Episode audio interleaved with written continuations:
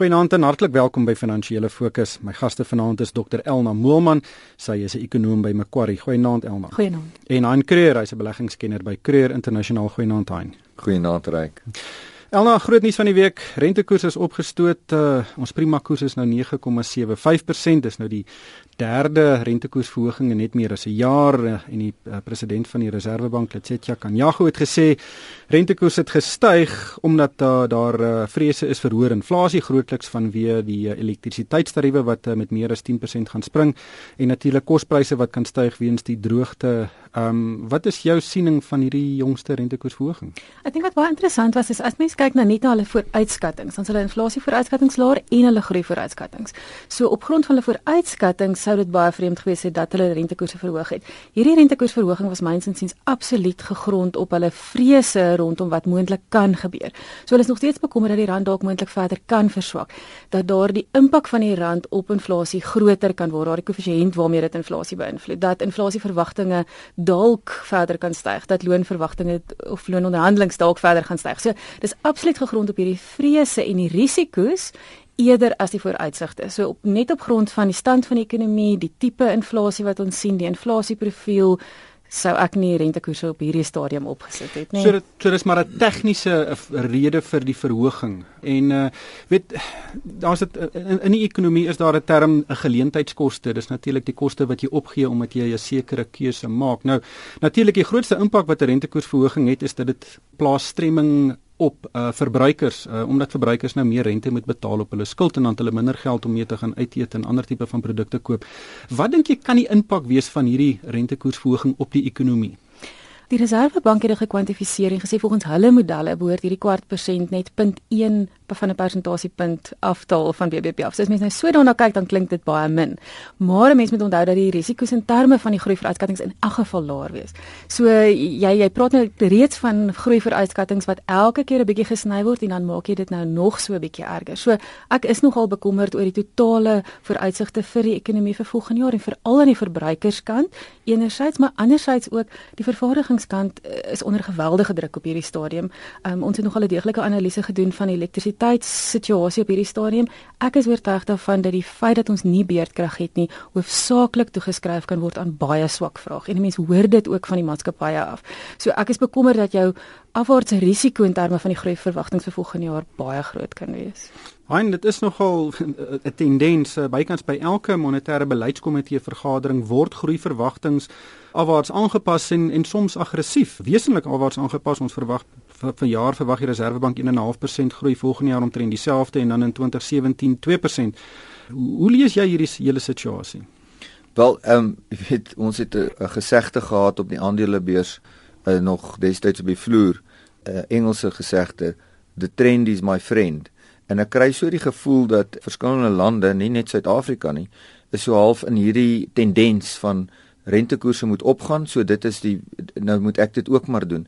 In steede om te gaan kyk wat is die impak op jou spesifieke situasie in jou mikro omgewing waar jy is. En ek dink nie dit dit gebeur nie. Die interessante was op dieselfde dag wat die wat die uh, aankondiging gemaak is nou dat die rentekoerse opgegaan het. In die verlede sou dit definitief 'n effek gehad het uh, op die beweging van die algehele indeks op die beurs.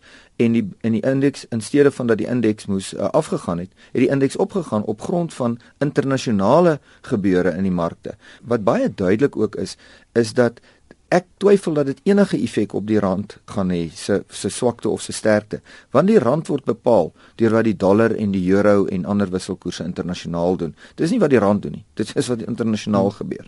Ja Elna weet, inflasie is 'n baie baie groot gevaar vir enige ekonomie maar mens kan nie inflasie in isolasie sien nie. Um, rentekoers is ook nie die enigste meganisme wat dit kan beheer nie. Dit moet 'n totale uh, verbintenis van die regering wees om inflasie uh, te verminder minder. Dit beteken ons moet laer elektrisiteitstariewe sien, laer geadministreerde pryse, um, en dit moet saamwerk met rentekoers om om om inflasie te verlaag. Maar wat ek dink op die oomblik wat ons sien is dat die Reserwebank het net een uh, stuk toerusting in sy hand en dit is 'n hamer en hy sien inflasie as 'n spyker en hy wil hom net die hele tyd slaan. En daar is nie vir my 'n groter perspektief van die regering se kant af oor hoe 'n mens in die inflasie risiko vereenselwig of vergelyk of aanspreek um, in 'n groter ekonomiese groei prentjie nie. Ja.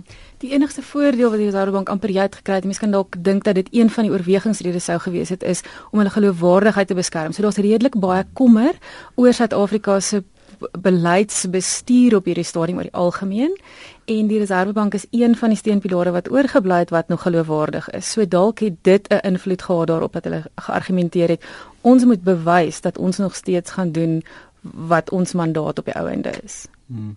Ja, ek moet net benadruk ek stem glad nie saam met daai besluit nie.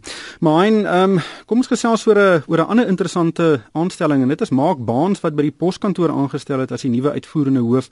Die poskantoor is een van die staatsinstellings wat uh, vir praktiese doeleindes uh, disfunksioneel is en en Mark Baans is 'n uh, amper 'n legende in die in die private sektor.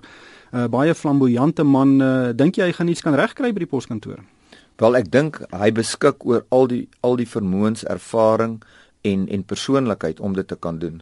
Ryk, maar uh, dit is al in die verlede ook baie duidelik gewees en en ek en ek is en ek is 'n groot voorstander daarvan om vir sulke staatsorganisasies uh, eerder privaat sektor mense want dit is 'n sakeorganisasie en dit moet op 'n sake grondslag bestuur word uh, om om mense uit die privaat sektor ervare mense uit die privaat sektor aan te stel om dit te doen.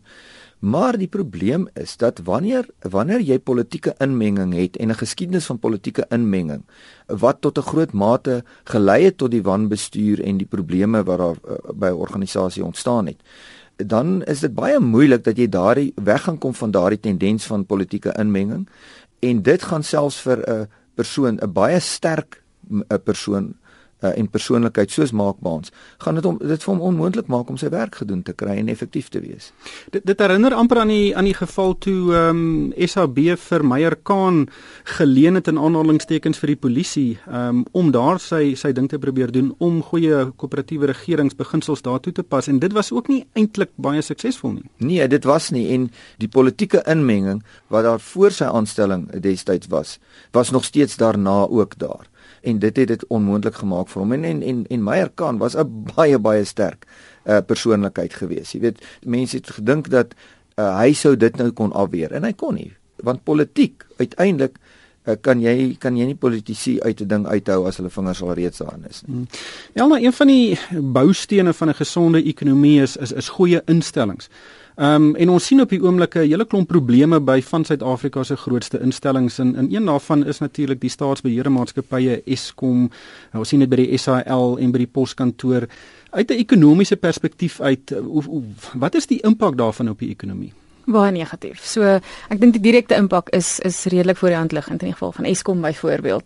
Ehm um, die impak op elektrisiteit en water ensovoorts. Maar dan het jy natuurlik ook die fiskale impak van geld wat ons aanhou gee vir SAL byvoorbeeld en mense moet vra of jy daardie geld nie dalk beter sou kon benut vir ander prioriteite soos om die waterinfrastruktuur reg te maak of dan nou vir opvoeding te betaal nie.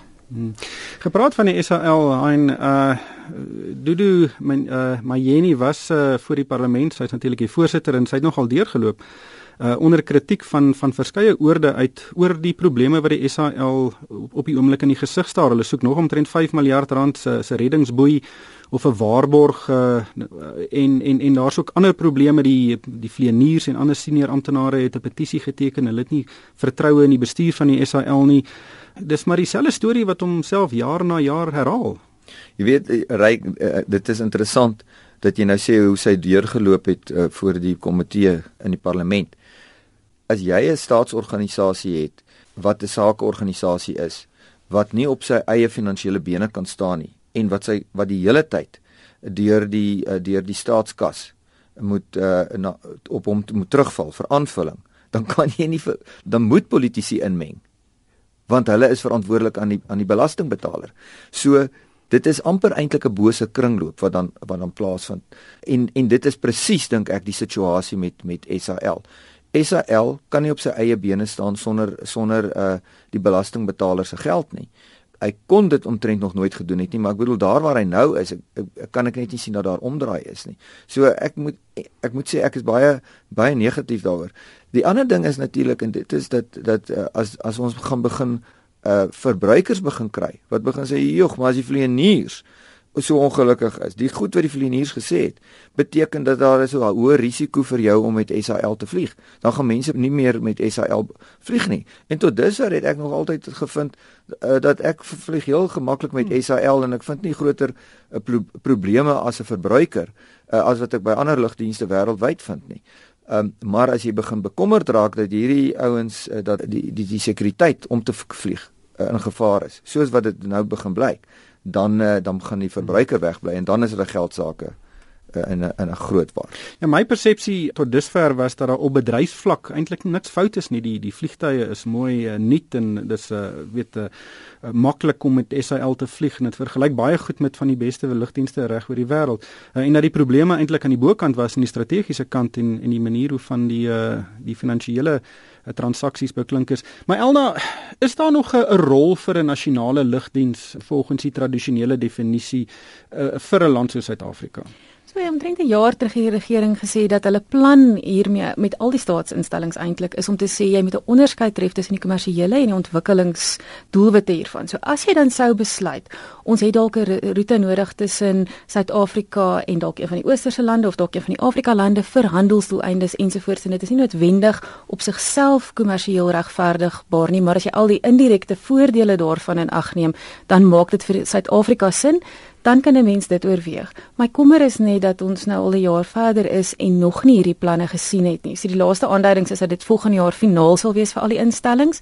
Ek hoop dit sal die geval wees, want dan kan 'n mens 'n sinvolle gesprekke hier rondom het ons hierdie roetes en hierdie gedeeltes hiervan nodig, het ons dit dalk nodig net om die handelsbande aan die gang te kry in sekere gevalle en dit dan oor te laat aan kommersiële lugrederye en dan kan jy 'n sinvolle vergelyking tref tussen geld wat jy vir SAL gee teenoor Eskom teenoor opleiding of enigiets anders. Hmm. Hein as uh, die regering vir Mark Baans by die poskantoor kon aanstel, dink jy nie da wat dink jy is die kans dat uh, hulle vir Gidon Novik natuurlik die vorige baas van Comair by die SAL kan aanstel? Ek, ek dink as uh, as as hulle as hulle dit kon doen met Mark Baans dan kan hulle dit doen met iemand anderster, maar dan kom ons weer terug by dieselfde probleem wat gegeld het en net om aan te sluit by Elna.